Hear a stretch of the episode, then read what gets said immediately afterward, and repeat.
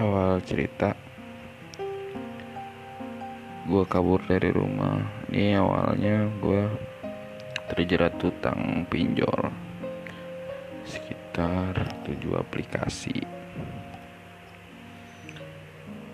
Yang tadinya gue bisa bayar lancar setelah ada pandemi ini semua mampet. Dan akhirnya gue nggak bisa bayar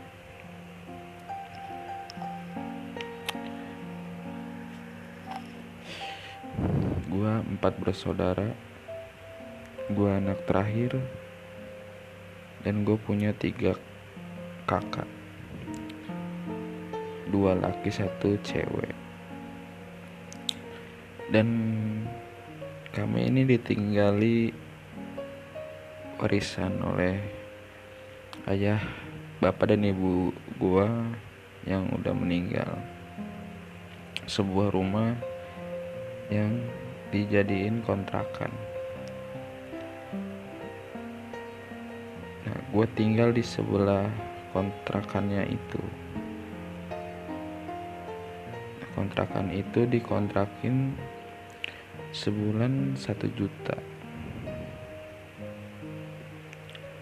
Dan duit itu gue pakai buat bayar pinjol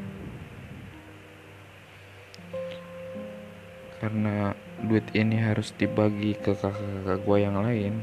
Karena gue takut gue akhirnya memutuskan kabur dari rumah. Berbekal satu kasur lipat dua celana panjang dan sepuluh kaos dan tiga jaket.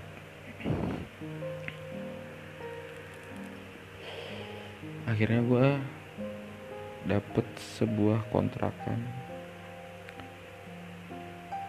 400 ribu hanya sepetak dan kamar mandi di dalam. Gue udah sekitaran dua bulan kabur dari rumah. Dan mungkin ini udah kedua bulan gue kabur dan nggak ada yang tahu ya kakak gue sih tahu kabur. Kakak kakak gue tahu gue kabur. Karena sekarang yang handle kontrakan itu kakak gue kayaknya. Dan gue nggak nggak main sosmed.